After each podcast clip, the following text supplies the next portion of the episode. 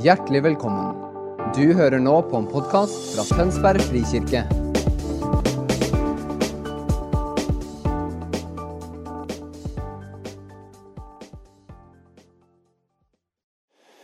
Oh, wow. You guys ready for prayer and worship? So, funny story. M- Morton, when he first sent me the, the instructions of when I'd speak, it said 3 p.m., worship and prayer. You pick the topic. I said, no problem. I'll pick the topic. So I was going to speak on covenant and the cost of covenant and investment in covenant. And then I see on the screen this morning that my topic is worship and prayer. I was like, oh, I thought we were going to do worship and prayer, then I'd have a topic. So uh, after lunch, I decided to get a topic of worship and prayer. So that's where we'll go. So you're expecting worship and prayer, so I'm going to give you what you expect. Um, our the heart of our of our church is worship. Um, the full name of our church is Upper Room Worship Center. So um, we're actually known for worship. We love worship. Um, we have a, a monthly prayer and worship night where people from all over the community, people from other uh, churches, other worship leaders, worship teams, they come in and join, and we we do worship together. Um, so we we also become a place where people come for sabbatical. Um, you know, when people get some time off, our pastors they usually come to our house and our church home and just just hang and just be in His presence. So uh, we love worship. Um, a, a sermon is good. I love to preach. I just love to talk. All right. Um, but I love to brag on the God who transformed me. I love to make him famous. Um, but a sermon you may remember for a year. There's certain parts that may impact you for a while, but a moment in his presence will change you forever. And and I think the heart of worship and the heart of prayer is that he's good, that he is God. And if we ever want to know his nature, if we let me let me reword this. If we want to know his will, like what does he want to do, we figure out his nature. And his nature is is is what he calls himself. So his nature, there's 951 titles of God in the Bible. Only one of them is judge. But yet many of our culture, our church culture, only knows him as judge, maybe savior. Those are the two biggest ones. But what about healer, healer or friend or father? So so that's that's the heart of worship is getting to know him, getting to to experience him, to live with him. It's not just a God who saves me, now it's a God that dwells with me. And and worship is is the language, prayer is the language that connects us to the Father. So I'm going to talk about the awe of God awe, A W E. I don't, I don't. What's the Norwegian word for awe? So close. Ogfit? Is that? Did I say it right? I'm not even going to try. I've had a really hard time with names. That I, I, think I think in Norway I think that's been the hardest adjustment. Not the time, not not jet lag. It's been the names. I can't. I, somebody today he's like Roy. I was like Roy and I'm trying to say something, and he's like, "No, just Roy." I was like, "Oh, I can do that one." And I met a Matthew, so that was easy. so uh, one guy, I couldn't pronounce the name. He's like, "Just say Brian." So I met Brian, and I tell the staff, "I'm like, do you guys know Brian?" They're like, "Who's Brian?" I was like, "He told me to call him Brian." So it was a different name. So anyway, it was last night's worship leader's husband. So he's like, "Just call me Brian." So let me just get into this because, and if you're just coming, awesome. Thanks for being here. Um, some great sessions to choose from today with, with Paul and uh, Almira on covenant, and then uh, Morton, I think, with presence. So, worship and prayer. I, I have this. I've had more moments with God in worship and prayer, alone, driving, wherever um, that have changed my life more than anything else. Uh, you know, last night I just entered in a moment of worship after Paul was speaking, and I just began to just thank the Lord for who he was. And I don't know about you, but when I begin to picture the Father and when I begin to just, just come in communion with Him, something transforms me. And I just begin to w- just weep and just, just be so grateful for who He is. And I think that's the heart of worship. Worship is coming into an intimacy with the Father where you can be you and you have an understanding of who He is. Let, me just say this praise is thanking Him for what He does, but worship is, is appreciating Him for who He is. There's a difference of praise and worship. Praise, praise is thank you for healing that person. Thank you for my blessing. Thank you for doing this. Thank you for dying on the cross. And we need praise. We enter his gates with praise and thanksgiving. Yes.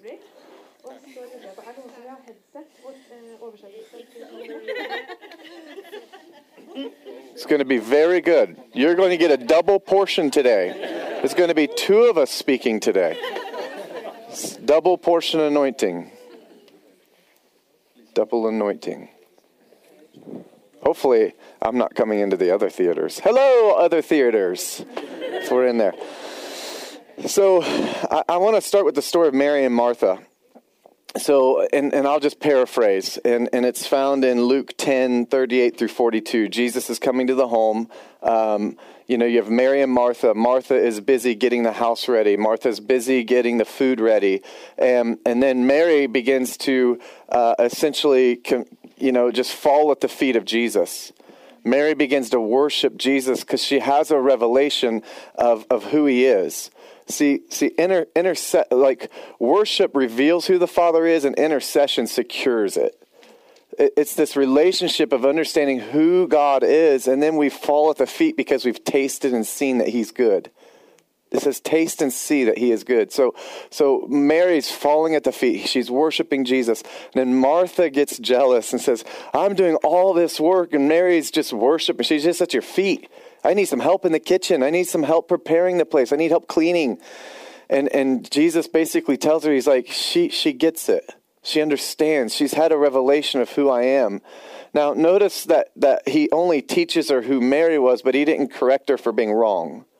See, those gifts and those administrative gifts and those, those preparing the food and, and preparing the house and, and cleaning, they're important and they're needed. We just need to worship Jesus first. So I never condemn my, my sister. She cleans our church and does a really good job of it. And and uh, every couple times a year, I, I, I volunteer and I like to clean the toilets because I want to serve and I just want to. I never want to get to a place where I think I've arrived and I'm I'm a better than anybody else. Because the same God that lives in me lives in each of you and the same God that raised Christ from the dead lives in us. So, so I'm no different. So, so the thing is, like my sister does this, but she's got a heart of worship. So otherwise, they were having a party. Who else was going to prepare the food? So she wasn't wrong. And, and, and even having these things and pursuing ministries and building structure, that's not bad as long as Jesus is in the center. And that's what worship does. Worship puts God in his rightful place of the center of everything. So we say at Upper Room, like, we're going to plant Jesus in the center and we're going to build around him.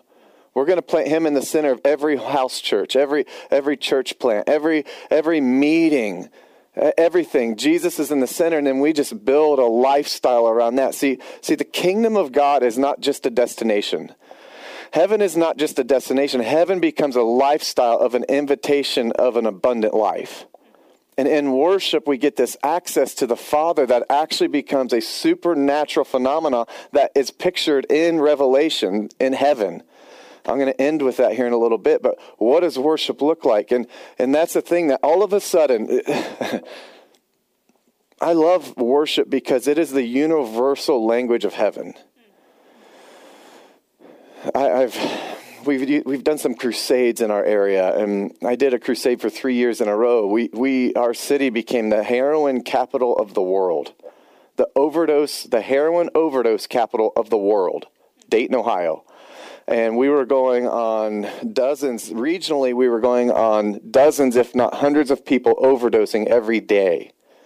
Dozens of people dying every day to heroin And so we did these crusades, and the Lord was using these, these crusades, and we'd share the gospel. People would be born again, have this experience, they get baptized.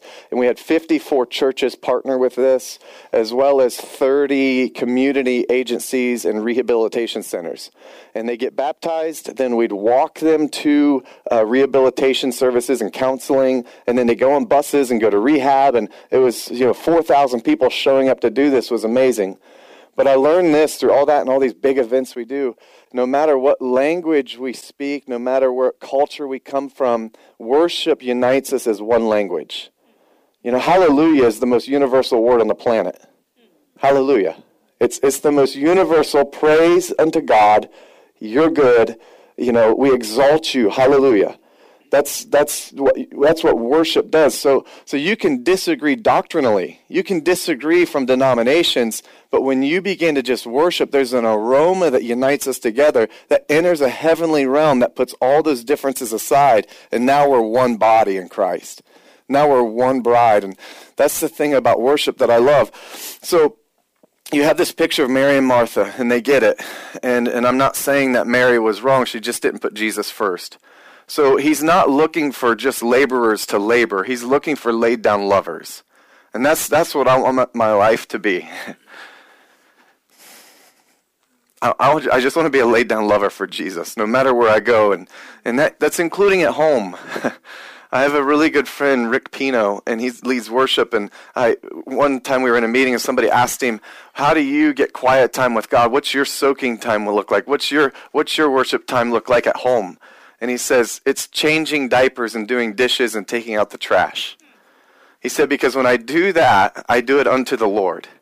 And he said, As I'm washing dishes, I'm thanking the Lord that I get to be a part of this in my home. You know, because he travels a lot. So when he's home, he needs to be engaged and he's there to serve his wife, serve his kids, and serve unto the Lord.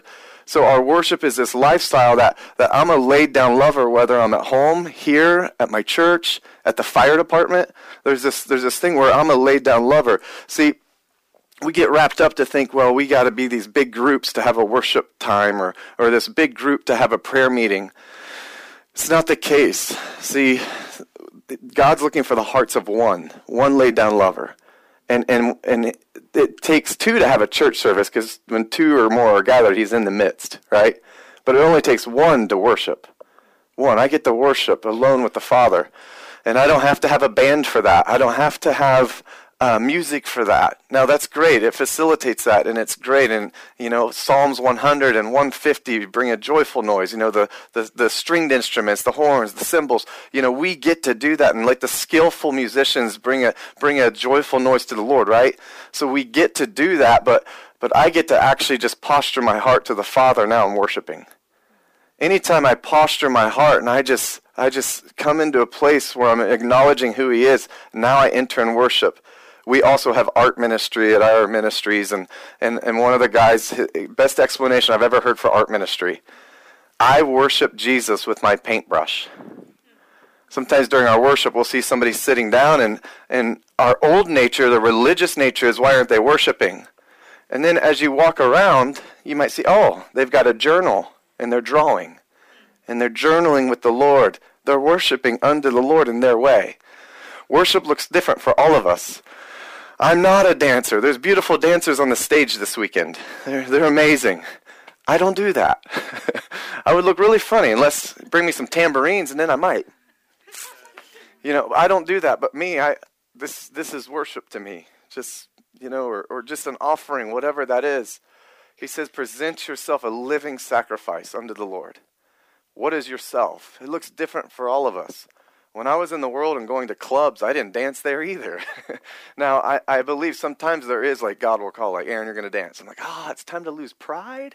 Ah, and I'll jump and I'll dance and I'll shout and you know I will do those things when he tells me to do those things or or and I will say like sometimes there's an exuberance there's a celebration that he is worthy of and sometimes I just wow Jesus like the story this morning that she shared fuego like there was literally a fire in the back of the room.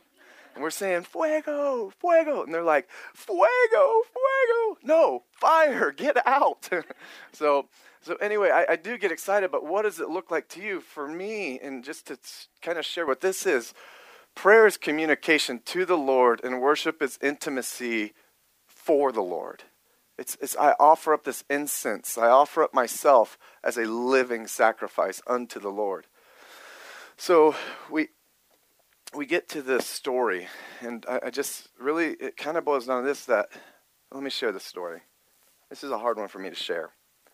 I've been a firefighter for almost 19 years, and in in in that business, you see a lot of bad things, and you're exposed to a lot of bad things.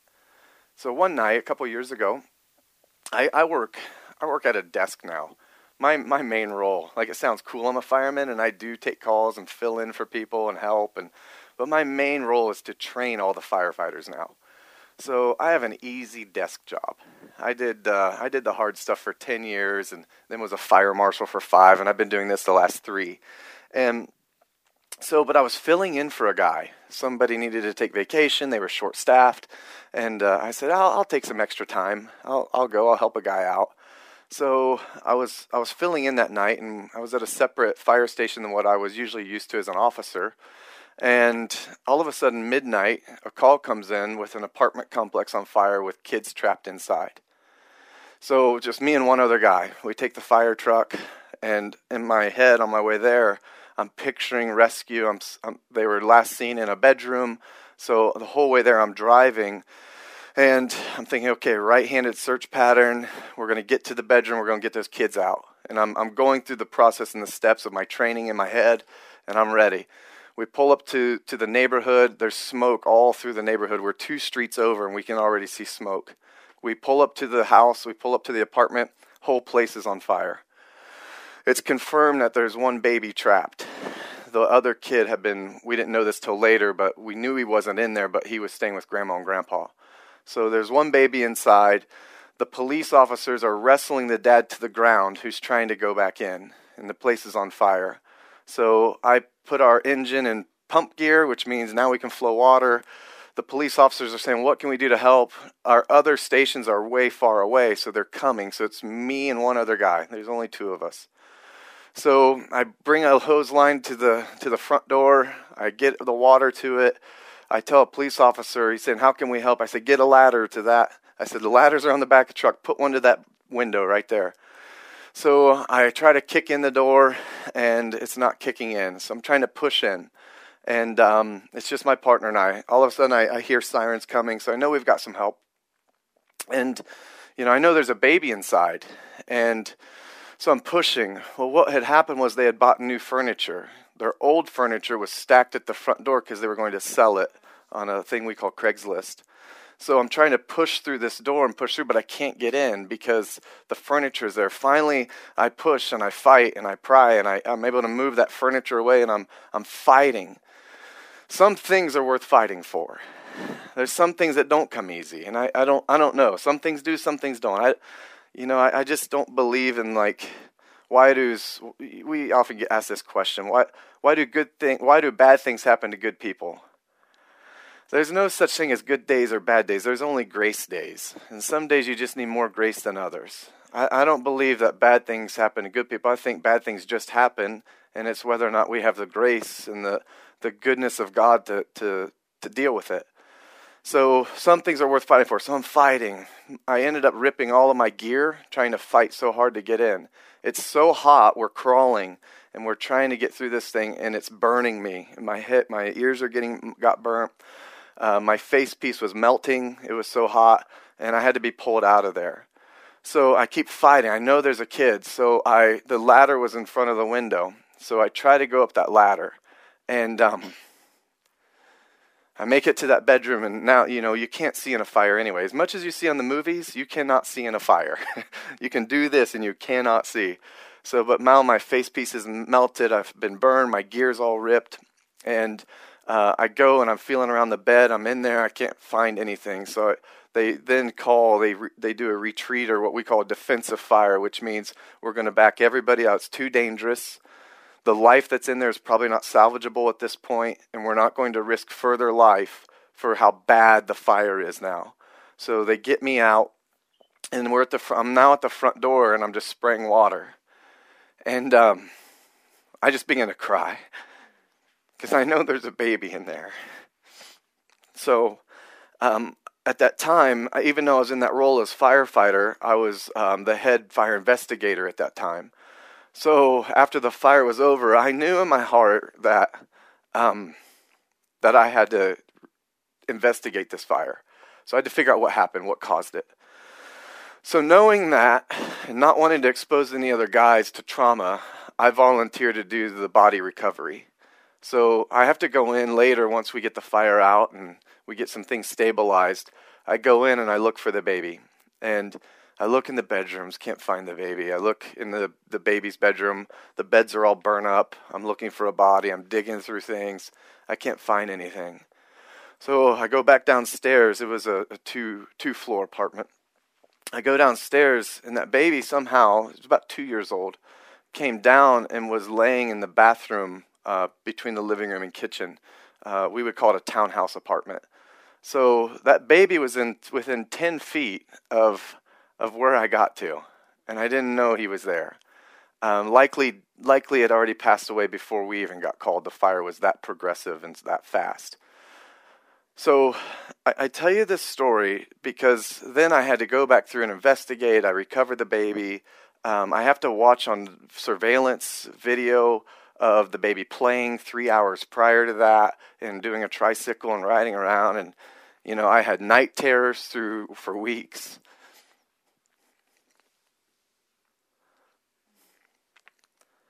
I remember getting off work and it was Mother's Day morning and we had a baby this same age, about one and a half is about what this baby was. My my baby was just a little younger than that. But things become way harder in, in our industry when you have a life situation similar. So here I couldn't rescue a baby. I'm I'm paid to do this. I'm trained to do this. I'm qualified to do this, and then I failed. And so I remember getting off work, um, and after everything was done, and it was about at that point now six in the morning or seven in the morning.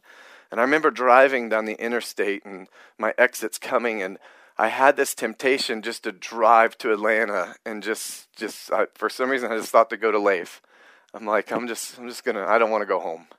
I just didn't want to go home, and um, but I went. I got my wife a donut, her favorite donut when she was eating gluten, and uh, and I went home and she's she's feeding our baby on the couch and I just sat there and I just wept this this in uh, all the history of my firefighting, this was the hardest call that I've ever been on. And um, so anyway, I go through a week, and this has a point and goes back to worship. I promise. I, I go an entire week with nightmares. I go an entire week not feeling the presence of God, and I'm getting frustrated. I'm like, I, I, I was trying to pray. I went to our soaking room for four hours and laid there and felt absolutely nothing. And I was getting really angry at this point, and I was telling people close to me. I told our counselor at our church. I, I was reaching out. I was telling my wife everything, and I just be at the dinner table with the kids, and then I just start crying, not talk, just a shell. And so that that that by the way was on was on a Saturday night, and Sunday morning, like I said, was Mother's Day. So my wife was preaching that day because she always does on Mother's Day. So, but the next week now I have to preach, and I can't feel anything. I've got nothing. And and our counselor, my, he's one of my best friends. He's our executive pastor as well. He says, Aaron, in relationship, you have three things. You have passion, intimacy, and covenant. In every relationship, you have that. And he said, passion is is how fun can it be? That's passion. Passion in a marriage, passion in with the Lord. How fun can it be? Intimacy is how close can we be? So so you have passion, intimacy. Now now covenant or commitment comes when we don't have the other two. Sometimes we just go to covenant. I made a covenant with my wife till death do us part. So at times we may not have the passion, the intimacy, but we have the covenant. So I said, listen, I, because I, I, was telling him, I was like, I can't get up and preach this week. I've got nothing. I can't even feel God. I don't even want to feel God. You know, this is kind of where I was. I was just hurt. And, and he says, Aaron, you, you may not have passion right now. You may not have intimacy right now, but you have covenant. So that morning, Sunday morning, I get to church. I still don't have anything, nothing. Like nothing. No notes, no idea, no revelation, nothing. I'm at worship service. I'm in worship service. And I'm like, Lord, what am I going to do? I'm preaching. Nothing. So I went to my office and I was like, God, you got to give me something. And, and, he, and he just, I, I opened up the word And it was where the enemy tempted him just after his baptism. And his, his baptism came with identity. You know, Jesus was baptized, and the Father said, This is my beloved Son with whom I'm well pleased. Then the very next thing, see, when we get identity, when we get sonship, when we when we get this piece of knowing who we are, the enemy wants to test us and wants to tempt us, right? So so basically he says, well, well, if you are the son of God, then, then move this mountain or do this. And he sets him up with a couple little tricks. And, and, and, God, and basically he says, well, the truth is, I am God. All of a sudden, I, I read that verse and I read this, man, the truth is, that's what it said, the truth is. I read that, I go into this deep encounter and I flash back to the night of the fire. And when I was at that front door with my mask still on, I couldn't see anything and I was weeping. I was I now, now this was re- this really happened, but I'd forgot about it. I didn't realize what, what I was doing or saying or anything. I flashed back into that real life moment, and in my mask and in that night, I just kept saying over and over, God, you're so good. Over and over in my mask, I began to worship God as this baby's dead that I was trying to rescue and couldn't get in. As I was feeling a failure, I went to what I knew. That's what they say even in firefighting. You revert back to your basic training. You revert back to what you know. And in that mask, I sat at the front door just spraying water like this, weeping, God, you're good. I remember saying that. I remember saying, I don't understand this, God. You didn't do this, God, but you're good. That's the foundation of worship. That's the foundation of life. That's the foundation of prayer. That no matter what our circumstance is, no matter what our trial is, no matter what season we're in, good or bad, He's good. Worship connects us and keeps us digging wells, even in the time. So, so sometimes it's really easy to worship, right? And sometimes it's a little harder. Well, in those easy times, we get to worship and dig these wells that later on, when life's hard, we get to pull from it. And that's what was happening that night. I had dug these wells, this history with the Lord. I had been on these journeys of digging these wells, of learning how good He is, studying those 951 names and natures and wills of God. So that way, that night, what I knew to do in the hardest hours of my life ever, I'll be honest, I've lost my mom, we've lost people in our church one of our closest leaders, our youth pastor and school leader, died in a car accident leaving our church one day, and his, life, his wife was left with a broken neck and little kids that we had to care for. Uh, we've been through some tough times. You know, even before Christ, I was in a lot of tough times, but nothing compared to these six hours. But what did I do? I went back to my well that I had dug in my history with the Lord. God, you're good. I don't understand this. We don't always have to understand, but worship takes us to a place of a heavenly where we don't have to understand, but it says He'll give peace beyond explanation, peace beyond an understanding. And worship brings us into a heavenly realm where there's joy and peace never ending. So, these realms of worship, these wells that we dig now, these wells in these conferences, these wells of learning to worship when there's no music playing, learning to worship when, when life is going hard or easy, or learning to worship in the car when, when there's distractions. We're digging a well so that way when we go through a hardship or a hard time, we have this well to pull from that. God, you're good. You're good no matter what. You're good. See, our circumstances or trials don't define the integrity of goodness of God. He's still good. He didn't cause that baby to die. The dad fell asleep with, with food in the kitchen, and he fell asleep because he was drunk. That's what killed that baby, not God. Cancer isn't God. Cancer didn't come from heaven. God's a giver of life. Those things need to go back to hell where they belong, and He is a healer. But I don't understand and I can't explain why in our church we're seeing tumors dissolve. We've seen I've seen nine dead raisings. I've seen I've seen scoliosis backs just straighten up. I've seen these things, but yet my mom dies of cancer, who was the pastor of our church at that time. I can't explain these things. I can't you know, it says the, the verse in the Bible is so true, and, and, and I quote it a lot. You, it says, You will never understand all the mysteries of God. But I like to say, Isn't it fun trying?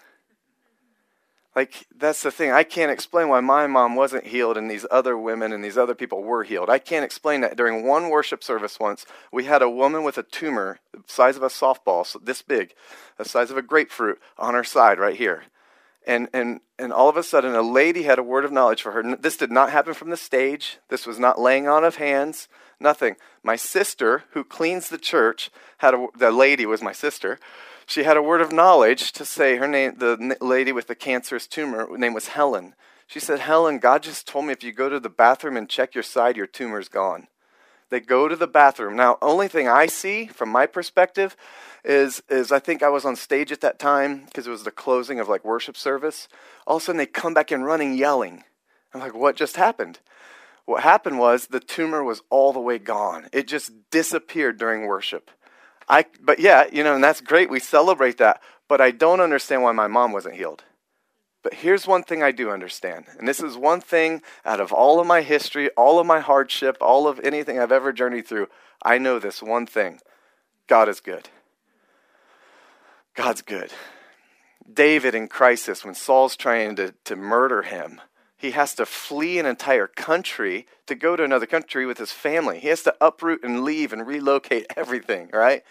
And then it comes to a place where he says, This one thing I desire to dwell in the house of the Lord, to glorify you. I dwell and I want your presence. This one thing, he wanted his presence. That's the one thing I can say connects us all. Let me, let me move on here. The awe of God. It's Psalm 65 8 says this. If you're taking notes, I'll just I'll read these fast because I talk fast. But Psalm 65 8 it says, Those who live at the ends of the earth stand in awe of your wonders. From where the sun rises to where it sets, you inspire shouts of joy. We stand in awe. Now, I, I want to talk about the awe of God. The awe is not this, we've always said, well, it's the fear of the Lord. Man, it's the trembling. I want to let you know and give you insight that the awe of God is a beautiful thing of reverence and honor and love. It's not fear in a negative way. It's not fear in a. See, because when we know God and we know who we are and we know who He is, now all of a sudden that changes that now He's a father. You know, your best friends, your fathers, your brothers, the ones that you like, you choose to be with them because you know how cool they are. That's the same thing with the awe of God. It's this honor, this reverence, this respect, this, this fear of the Lord that's a healthy thing like, wow, God, I stand in awe of you. Last night, after Paul spoke, I just stood in awe of the Father because he's so good. The next verse it says in Psalms 33 8 says, Let all the earth fear the Lord. Let all the inhabitants of the world stand in awe of him. Let everything that has breath praise the Lord. Let, let all the inhabitants of the earth from all over stand in awe at the majesty of the King. Wow. We serve a God that created everything. Have you ever just kind of pondered that? Like everything, every person, every mountain, every rock, every tree, every animal, like the, the diversity of this universe.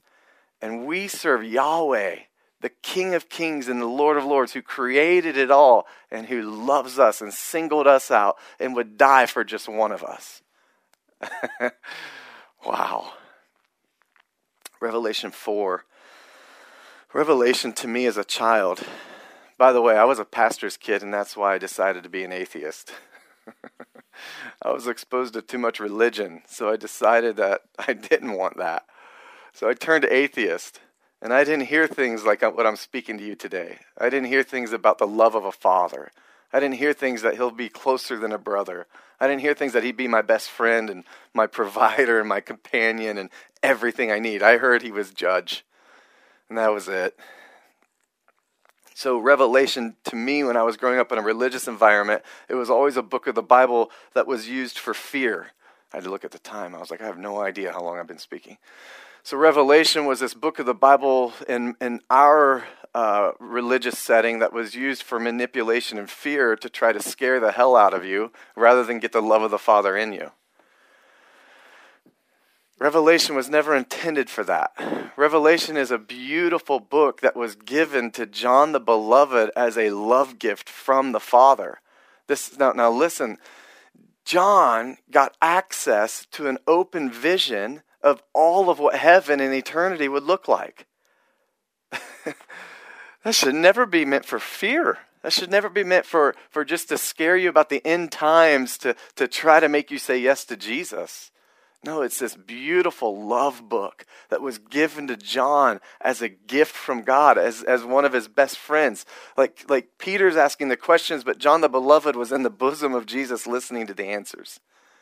John was a special, special one. He was, he was, he was one with Jesus. And so what was happening is now he's got this love book, and we get to Revelation 4. And this is kind of where I'll wrap it up. And do we have an ability to play any music? No. Okay, we are going to really train in worship today. And we're going to be in the awe of God, just like I've been talking about. so we don't have to, it's okay. Um, so, Revelation 4, or I'll just talk longer. Revelation 4, here we get to this place of, of what worship looks like in heaven. And, and I'll just be honest with you, I just love to read it if that's okay. And you can read along in, in uh, the Norwegian version if that's easier for you. But we're going to be Revelation 4, 5 through 11 verses 5 through 11. I seldom can get through this without crying because it's the picture of worship. It's the picture of heavenly worship. It's the picture of, of the diversity of heaven coming together as one.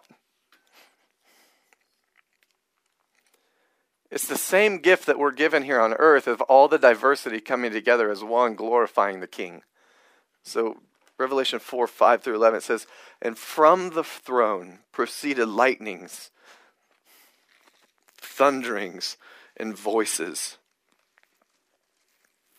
Seven lamps of fire were burning before the throne, which are seven spirits of God.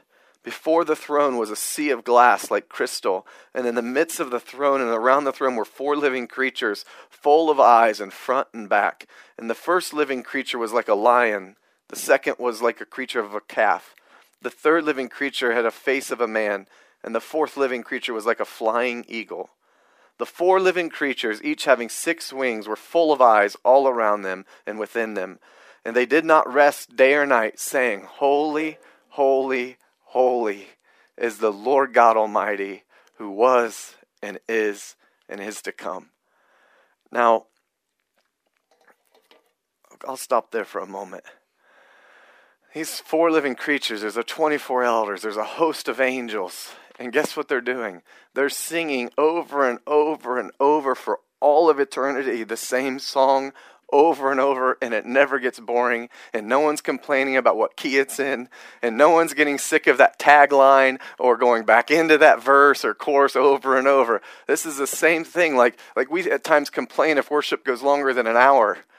But this is for eternity. Why? Because their heart is postured to the majestic King of Kings and Lord of Lords, the Alpha and the Omega, the beginning and the end, and he's singing holy. And here's what I think. Here's what I think. The four living creatures, I think they had to have so many eyeballs on them because they could never take their gaze and eyes off of God. He's so good. Their eyes were always fixed no matter where they turned. Their eyes were on God. No matter where he moved within the realm, his eyes always on God. And they never stopped looking at him and they never stopped praising him and they never stopped worshiping. And I believe this. I believe holy is such a wonderful awesome word that I feel this that every time they say holy over and over for eternity, it's this new gaze of God. Holy, it's like a shock every time they say it, it's this new realm of the nature of God. It's this, it's this new look. It's this new, new aroma. It's this new realm of worship with God forever. Holy, holy, holy. And it never gets old. It never, they never stop. It's this beautiful picture of what heaven is, and it's this beautiful invitation to us to actually enter into an eternal worship of what holy really is. Worship allows us a submission to be at the feet of Jesus and not worry about what needs to be done, not worry about what needs to be preached, not worry about what needs to be fixed or cooked or prepared. Worship's this realm of an atmosphere that's created in our hearts that just postures to the Father. Holy, holy, holy. And it never gets boring, it never gets old. And guess what? The song never changes because he's always good. Let me let me wrap up this one this one thing here. And I'm just I, I feel like I don't know, I'll probably just play some music on my phone or something. So you look amazing in that shirt. Look at that. Isn't PJ awesome? Woo! Luke 7. It's this story of a woman. Now, I, I don't know, there's some fun things in the Bible.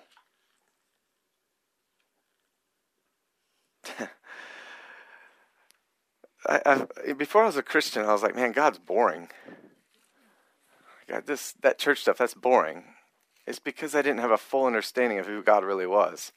And I started reading the word in a captivating way of like, wow, ch- taken up in a chariot of fire? That's awesome. Walking through walls? Like when Jesus walked through a wall once, he's like, peace be with you.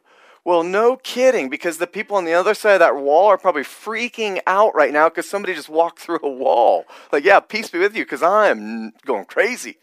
Walking on water? Like, if you think about the stories in the Bible, if you think about like manna falling from the sky, like, isn't the nature of God so good that, like, He led them by a cloud by day and fire by night? Like, He knows every intricate detail of our life and every need, and He doesn't just meet our spiritual needs, He meets our natural needs.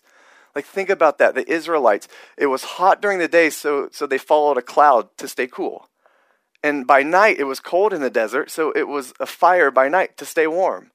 Like, and if you think about these stories and how captivating, all, all of a sudden I'm in awe of God because, wow, that's amazing. And then the whole thing with the manna, like bread falling from the sky. Like, imagine they were sweet. It was sweet bread. It was like donuts. I had some of the pastries. What were those called with the chocolate chips in them? Yep, that. It's like that falling from the sky. And guess what? He's going to provide enough every day that I don't even have to save any because I can't live on yesterday's bread. I need fresh encounter every day. It's this, it's this realm of God that's like amazing. So, so we get to this story here, and, and there's these, they go to, let's just read it. Luke 7, I think around the 36th verse. One of the Pharisees asked Jesus to have dinner with him. So Jesus went to his home and sat down to eat. When a certain immoral woman from that city heard he was eating there, she brought a beautiful alabaster jar filled with expensive perfume. Then she knelt behind him at his feet, weeping. Her tears fell on his feet, and she wiped them off with her hair. Then she kept kissing his feet and putting perfume on them. When the Pharisees who had invited him saw this, he said to himself, If this man were a prophet, he would know what kind of woman is touching him. She's a sinner. I love that Jesus thinks differently about us than what the world might think about us. I'm thankful that Jesus sees our hearts and, and what she was pouring out rather than what the world was seeing. Now, it's suspected theologically that this woman was a prostitute. These Pharisees who are having her in their home or having Jesus in her home and she comes knew this. And I, I always, I'm not trying to like build weird doctrine or anything. But sometimes I would ask myself, like, how'd they know that? I'm not speculating. I'm not throwing any accusations out there. But, like, maybe? But Jesus didn't care. Why? Because it was the heart that mattered. She had a heart that poured out literally everything she had. It was expensive perfume. It was, it was basically her entire wealth that she poured out on his feet and then used something so beautiful like her hair, something so so intimate and washed his feet and began to kiss his feet, which we know that time and we know even the significance and symbolism of washing feet, right? Well, now she's just pouring it out. And the Pharisees are worried about what she does, but Jesus only cares about who she is. Like, he's not looking for much. Like in our prayer and worship, he's not looking for much. He's just wanting our hearts. He's just wanting us to pour out our hearts to Him and just offer up this incense of worship, offer up this incense of just goodness. It's not complicated. I think we try to make the gospel complicated. I think we try to make things really complicated in life and in Christianity and ministry and business. it's like, man,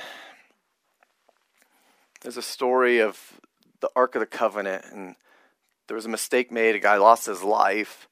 David's like, oh man, we need to take a break here. So uh, you can research this in the Old Testament. And, and basically, they go to a house of a guy and they, they house the Ark of the Covenant, which symbolizes presence, at a house named Obed-Edom. And Obed-Edom, it says he hosted the Ark of the Covenant. He hosted the presence for three months, three months before they continued the journey. And it says this it says, God says he blessed their home and generations to come. He said he blessed his entire household. What does it look like for us to host his presence, to put Jesus in the center, to just offer ourselves a communion with him, intimacy with him? Our entire household and generations to come are blessed, even with a three month investment. Like just hosting him. What's that look like if we just put him in the center? For me, when I was processing this for the last couple hours, what am I going to talk on in worship and prayer? And for me, it was really easy that God's good. I want to be in awe of Him. And I want to enter into a heavenly worship every time that I'm uh, breathing and every time I have an awareness just to turn my heart towards Him. So that's what we're going to do right now. We have some music? Thanks. You guys are awesome. Thank you. Thank you for all you're doing, sound person. it's to make a conference like this happen is really hard. And a lot of times the media guys and the sound guys, they're like the unnamed heroes. And uh, so we I appreciate that. Yeah. I was one once. When I got saved, I was like, I'll do whatever you need me to do, Jesus. So, what I'd love to do is, honestly, I would just love for you to get in a comfortable place. And for 10, we have about 10 minutes. And we're just going to worship God for 10 minutes. And I'll trust their song selection and whatever they do. And it doesn't matter because part of worship is removing the distractions, removing the chaos of life, removing, you know, the, the tragedies even that are going on to sit there and say, God, you're good. I don't understand everything. I don't know everything, but but you're good. That's a that's an affection. Every night before um, bed, every time I tuck my girls in, we, we kiss them, hug them, pray with them, uh, do a devotional, read a story, do something like that. And but every time I, I go, I say, okay, and they all they all do this. I said, all right, turn your affections to Jesus now. Turn your hearts to Jesus. Turn our attention. I pray. I said, let's turn our affections to you, Lord. Let's turn our attention to you. Let's turn our focus to you. You see, he said, first he created night, then day. So our day actually starts at night. So I love, as I fall asleep, I usually put worship music on or I let the word be read to me. And I and every night this week I, I have this piano soaking music and I just turn it on and I just I just turn my affection. I, I, I, I settle the busyness in my life, the thoughts and I, I, um, as you can tell, I'm kind of all over. I settle that, and I just, I just say, I turn my heart to you, Jesus. I turn my affection to you. So it has trained me that no matter what's going on in life, I can just focus on the goodness of God and enter into a realm of worship. It might look different. Sometimes I'm, I got a chainsaw cutting down trees. I live on a farm, so I got a lot of work that we take care of. Beyond a firefighter, beyond a pastor, I cut down 43 full-size trees last year on my farm. So there was a lot. We just bought it and a lot of dead trees. So as I'm as I'm cutting wood and stacking wood, I just begin to just say, "Lord, this is for you," and we'd have fun. And then that helped with 43 trees. But for the next 10 minutes, we're just going to whatever. I, I, I really kind of just picture people laid out through here, just laying down, just, just posturing like the, like pouring out the oil to Jesus, just at his feet. But whatever is comfortable for you, just present yourself a living sacrifice. And we're just going to give you a little freedom here just to worship. Just connect that heart. Say, God, you're good. So I'll lead you. They'll turn on the music and then just go where you want to go. Just be comfortable and, and we're done here. You can leave when you want to leave. Um, but Lord, I just, I thank you. I thank you that, that we can just join you in worship like the four living creatures, the 24 elders, the host of angels, Lord. Holy, holy, holy is the Lord God Almighty, who was and is and is to come. Holy, holy, holy. We don't want to take our eyes off of you. We don't want to stop loving you. We don't want to stop having our focus and attention on you. Lord, we know there's chaos. We know there's, there's trials and circumstance going on. But Lord, we don't want to lose focus of your presence, of your goodness. So, Lord, we just turn our hearts to you right now. We turn our affection to you. we pour out our alabaster jars of oil to you, Jesus. We sit at your feet. Feel free to get comfortable. Just worship in your own way. But uh, the invitation's yours. You are good. You're good. You are good. You're good.